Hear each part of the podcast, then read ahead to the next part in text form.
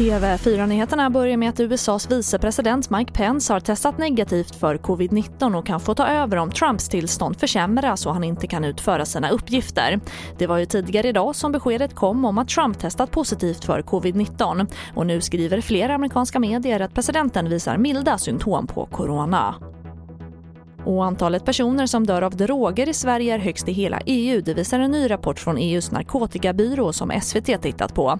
Det rör sig om 81 dödsfall per miljonen invånare och det är fyra gånger högre än genomsnittet bland EU-länderna. Och rutinerna om skyddsutrustning inom vården skiljer sig kraftigt åt mellan olika regioner. Det visar en enkät som TV4 Nyheterna gjort. På en del håll tas covid-19-prover på alla patienter medan det på andra håll inte finns några krav alls varken på skyddsutrustning eller provtagning. Och nu vill flera regioner ha gemensamma riktlinjer. Och det svenska vaccinprogrammet för barn har fortsatt att fungera bra även under den pågående pandemin trots ökad press på vården, det visar analyser från Folkhälsomyndigheten. För om vaccinationer uteblir även under kortare perioder riskerar det att få stora konsekvenser enligt WHO. TV4-nyheterna, jag heter Charlotte Hemgren.